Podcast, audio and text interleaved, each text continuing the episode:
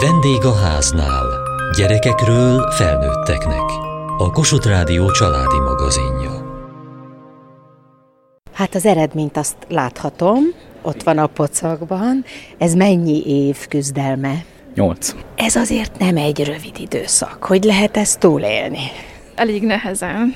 Az elején még könnyen ment a dolog, hogy jó, hát még várunk, majd, majd jön de már négy-öt év után azt mondtuk, hogy akkor itt valamit változtatni kell, akár életmódban, akár esetleg a sport, de ez sem jött el sajnos, és akkor hat év után gondoltuk úgy, hogy hát most már orvosi beavatkozás is szükséges.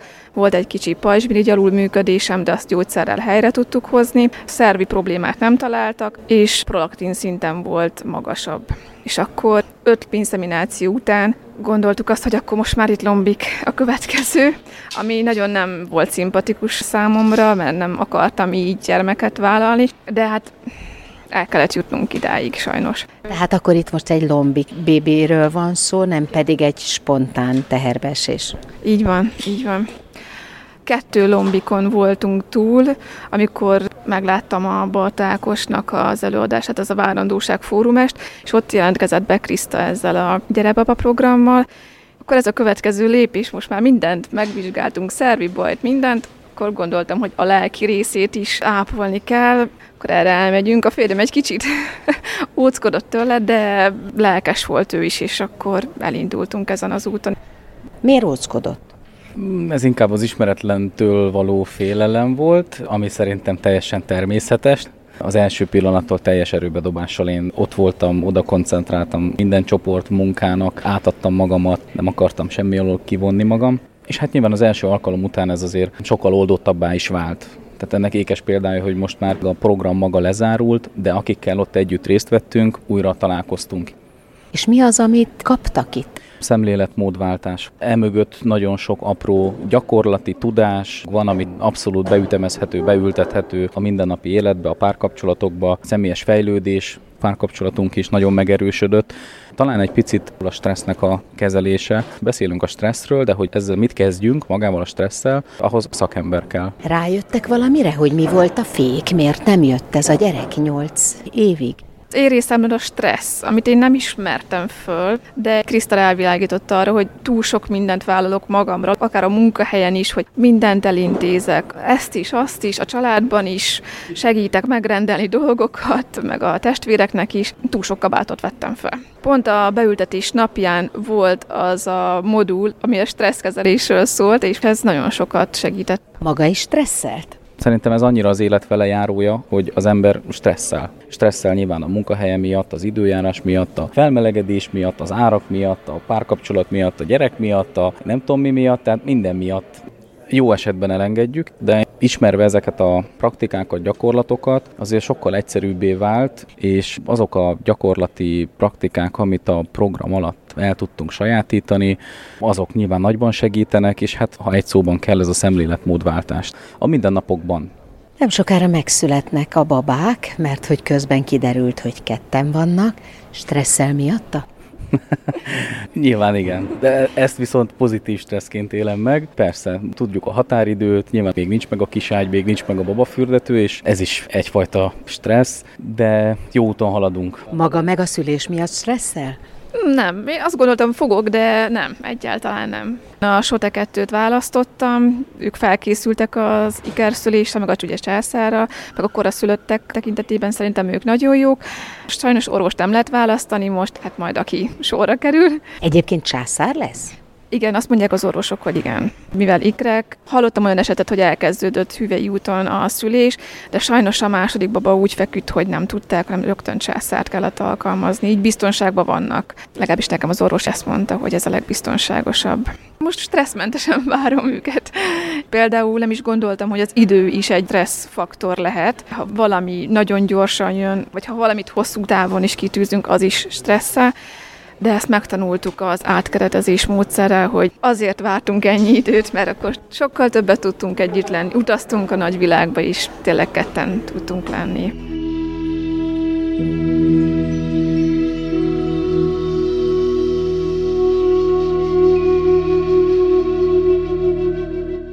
A Gyerebaba program vezetője Soponyai Nagy Krisztina, pszichológus. Miről szól ez a program? Amikor indult a program, akkor javarészt olyanok jöttek, akik már mindenen túl voltak, és egy utolsó mencsvárként használták a lehetőséget.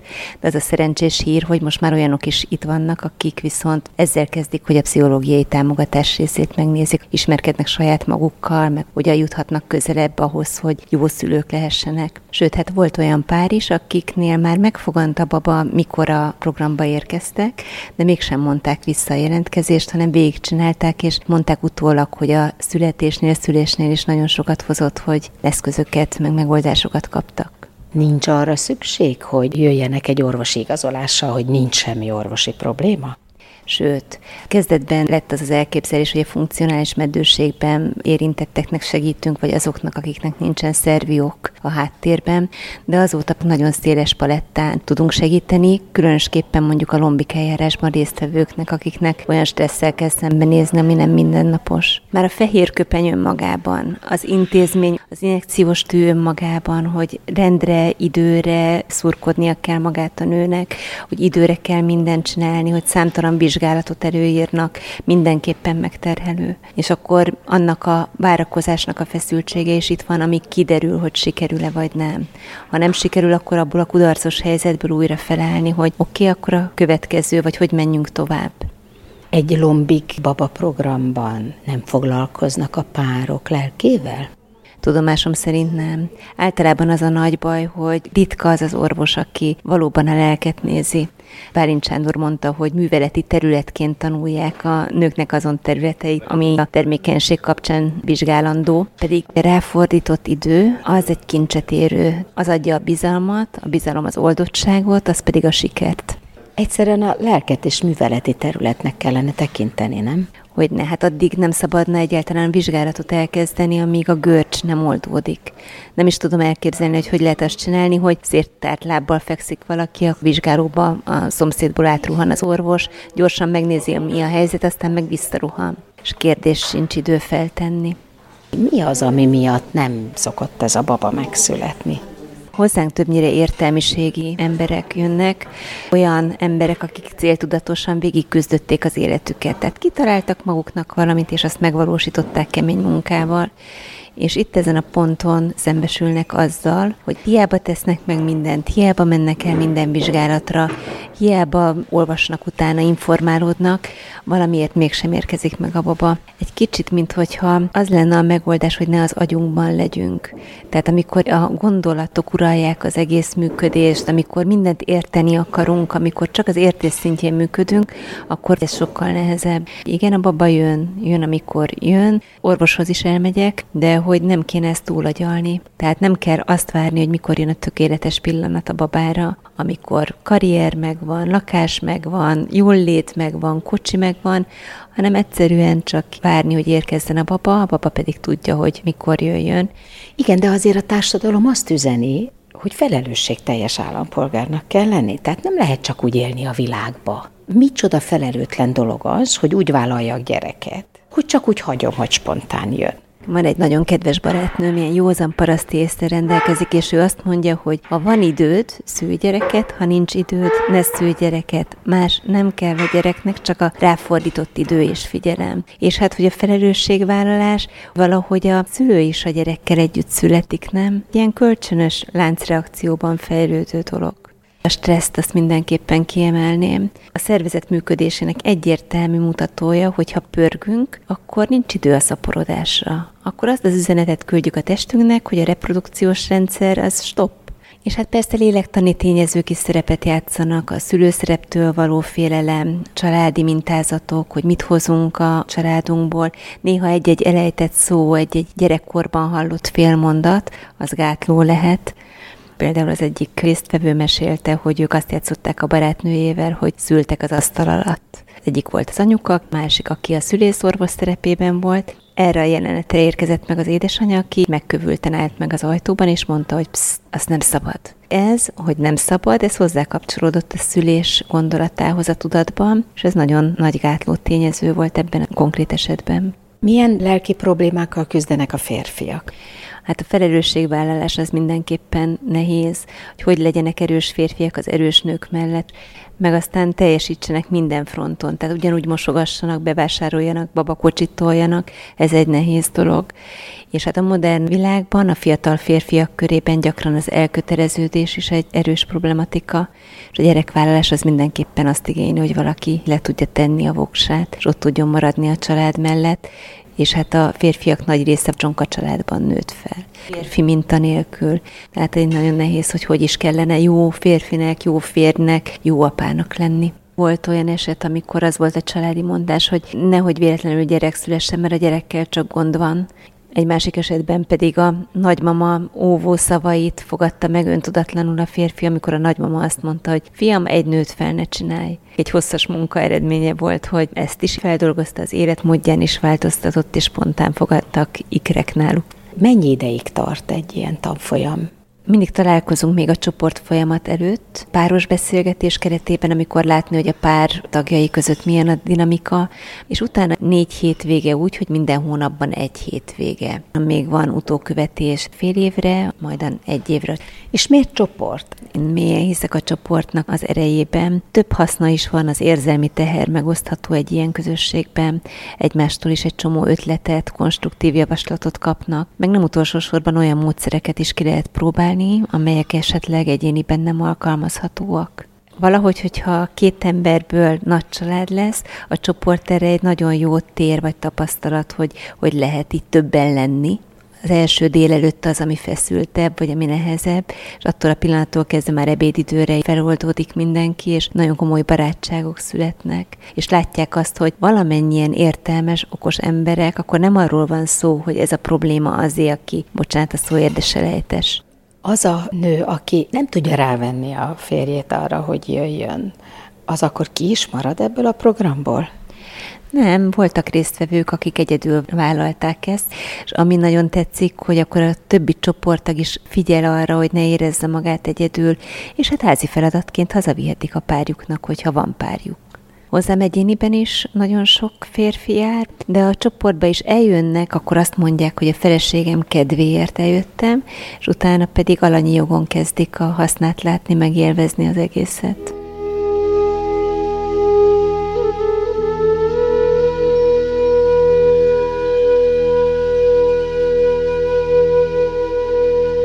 Már két kisbabájuk van otthon. Mennyi ideig vártak rájuk?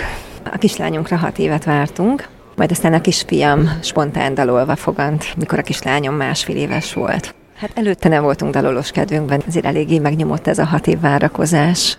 Mire vártak? Azt tudtuk, hogy babát akarunk nagyon, és hogy nem jön, akkor az ember kevésbé fogja föl, hogy pontosan mire vár, ez így igaz. De hogy nem sikerült megfogadni a babánknak és aztán egy átalakult egy nagyon görcsös akarássá. Talán egy kicsit élni akartunk még az elején, és aztán pedig, amikor azt mondtuk, hogy na most már jöhet, hoppá nem akar jönni. Hát ez tartott utána hat évig, és erre lelkileg rámentünk. Muszáj volt valami kimozítót találjunk, és akkor kerültünk ebbe a programba is. Utána ez már babákat eredményezte. Gyerekpszichológusként Bálint Sádorhoz mentem el, mert előtte jártam orvosról orvosra, Isten igazából orvosi problémát, gondot nem találtak, voltak, de lombikot javasoltak. Ellenérzéseim voltak, hogy miért mennék lombikra, hogyha nincs gond. És akkor a Bálint Sándor doktor úr ajánlotta a Gyerekbaba programot. Kifejezetten erre találták ki ezt a csoportot. Na és maga szívesen ment ebbe a csoportba? A tehetetlenség vitt tovább. Azt mondtam, hogy adjunk egy lehetőséget neki. Kicsit kíváncsiság is veletett érdekes volt nekem a, a csoport élmény. Akkor fedeztem fel magam, hogy erre szükségem van, hogy erről beszéljek. Nagyon érdekes volt, ahogy fel lett építve a program.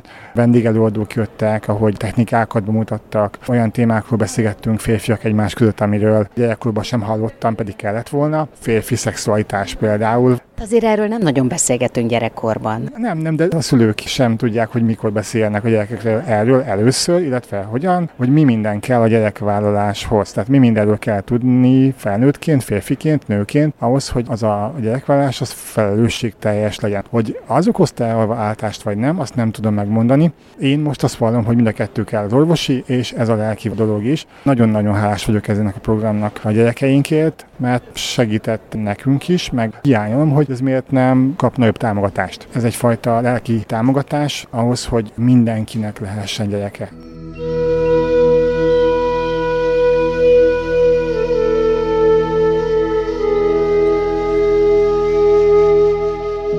Dr. Bálint Sándor szülésznőgyógyász és pszichoterapeuta. Maga mind a két oldalról látja, hogyha egy párnak nincs gyermeke, akkor annak mi lehet az oka. Hogy függ ez a két oldal össze? az ember és a párkapcsolat annyi csodával és annyi titokkal rendelkezik, hogy azt az orvos, ha csak racionálisan közelíti, meg nem sokra jut. Érdekes módon, amíg a nő nem hisz abban, hogy ő nő, és arra van kitalálva, hogy gyermekei legyenek, addig teljesen lényegtelen, hogy milyen gyógyszert kap, vagy kottából csináltatnak gyereket. De a férfinak abban a pillanatban gátlása lesz. Na most én meg úgy gondolom, hogy olyan tökéletesre van alkotva az ember, hogy időt is kell biztosítani, hogy ez meg tudjon valósulni. Egyszerre pszichoterapeuta is, meg egyszerre orvos is. Melyik az, amit előnyben részesít? Ha nem látom az asszonyok szemében azt, hogy örülnek, akkor teljesen mindegy, hogy én racionálisan mit csinálok. Először is arra figyelek, hogy mit üzen nekem. Tehát hogy úgy jön be, hogy összeesett vállal, nem néz rám, a szék sarkára ül le, alig lehet hallani. Ezt úgy hívják, hogy egymásra hangolódás, tehát raport. Egyelőre arra reagálok, amit látok tőle, amit ő üzen. Én egyszerűen tükröt tartok. Tehát előlegezem neki, hogy én megláttam benne a nőt. De fontosnak tartom, hogy érezze, hogy itt sokkal többről van szó, hogy milyenek a leletei, milyen gondolatai vannak, és mik a tervei. Most a jelenben szeretném látni, hogy van-e arra valamiféle alap, amin el lehet indulni és még mindig csak az ötödik percnél tartunk. És amikor már a megoldás felé tartunk? Ha panasza van, akkor nyilván nem pszichologizálhatok. Mondtam, azt mondom, a teste végtelen bölcsességgel rendelkezik, és a teste nem véletlenül hívta fel megint a figyelmet arra, hogy csináljon valamit másképp. Na most én nem csak egy lépés, hogy egyáltalán el tudja fogadni magát valamilyen szinten. Nem csak mint nőt, hanem mint embert. A megoldás mindig az, hogy addig, amíg nincs benne egy olyan energia, amit meg lehet mozdítani, amíg nem találok jelzést arra vonatkozóan, hogy van benne valami, amit még senki nem tárt fel, és én se tudom még, hogy ott mi van, én csak azt tudom, hogy az a megközelítés, amit alkalmazok, egy egészen más kontextusba helyezte mindazt, amivel eddig foglalkozott, és értető módon más válaszokat ad. És a más válaszok alapján áll össze, hogy amivel jött, az jogos panasz. Tehát kap egy keretet, aminek alapján a páciens segíti a terapeutát, az orvos, hogy világosan lássák, és együtt tudjanak megoldást találni. És hogyha valakinek egy ilyent csinálnak, a panaszaik rögtön felére csökkennek. Tehát én az esetek nagyobb részén olyan emberekkel találkozom, akik romokban vannak már. Ha minden sikertelen, akkor kell keresni valamit, ami sikeres. És kiderül, hogy képes olyan dolgokra is, amit még el sem tudott képzelni korábban. És itt jön az már egy szakterápiás rész, hogyha elakadások vannak, akkor már ahhoz mély lélektani dolgok szükségesek adott esetben hipnoterápia, de legalábbis valamiféle feltáró mélyebb beszélgetés.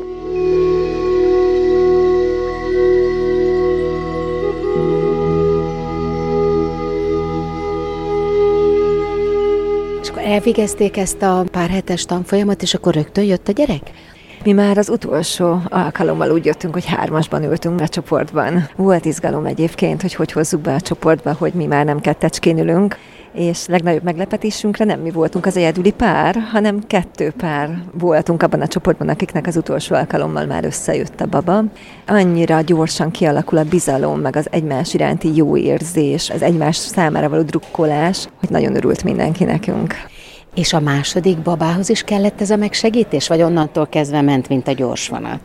Hát a második baba az olyan meglepetésszerűen jött, nem kellett már megsegítés családot is megsegítette a program. Mi is egyfajta távolodásban voltunk egymástól, amikor a program elindult. Ebben is segített, hogy egymásra találjunk újra. Kicsit levetköztük a félelmeinket, az otthoni működésünk az természetesebbé vált, nem annyira szorongó. Ahogy elment a szorongás, hogy meg lett az első gyerekünk, utána már sokkal természetesebb lett a működésünk, úgyhogy ilyen értelemben segített a program utólag is.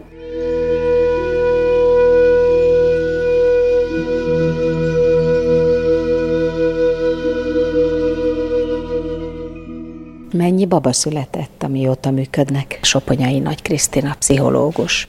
Most már 65 fogantatásról tudunk, ebből 60 baba meg is maradt, tehát a vetélés volt 5, és kettő örökbefogadás is lett, ami szintén nagyon nagy eredmény, azóta spontán is fogant babájuk. Azt látom, hogy egy medőségi centrumban egy kicsit futószalag jelleggel mennek a folyamatok, pont a ráfordított idő nem kap teret. Ez az egyik, a másik meg az orvosi kommunikáció, mert nagyon sokszor azt hallani, hogy negatív szuggesztiókkal, nagyon negatív elítélő mondatokkal az orvosok nagyon nagy kárt tudnak okozni. Tehát azt mondják, hogy ennyi idősen már egy százalék az esély, akkor nem abban hiszek, hogy az egy százalék az legalább esély, hanem hogy azt mondom, hogy akkor elmehetek a csodába. Mi az eredményessége a maguk munkájának? A legfontosabb cél az, hogy jól legyenek. Egy folyamat, amiben mindig lehet előre haladni. Az élet mindig hoz valami nehézséget, de a megküzdés, hogyha könnyebben megy, akkor a jól lét is biztosítottabb.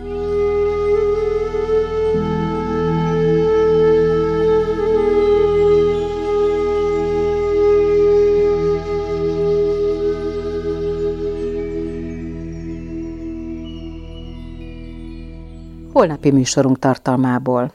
Kitűzőt készíteni, vagy rózsaablak mintát tervezni a Mátyás templom szentélyében?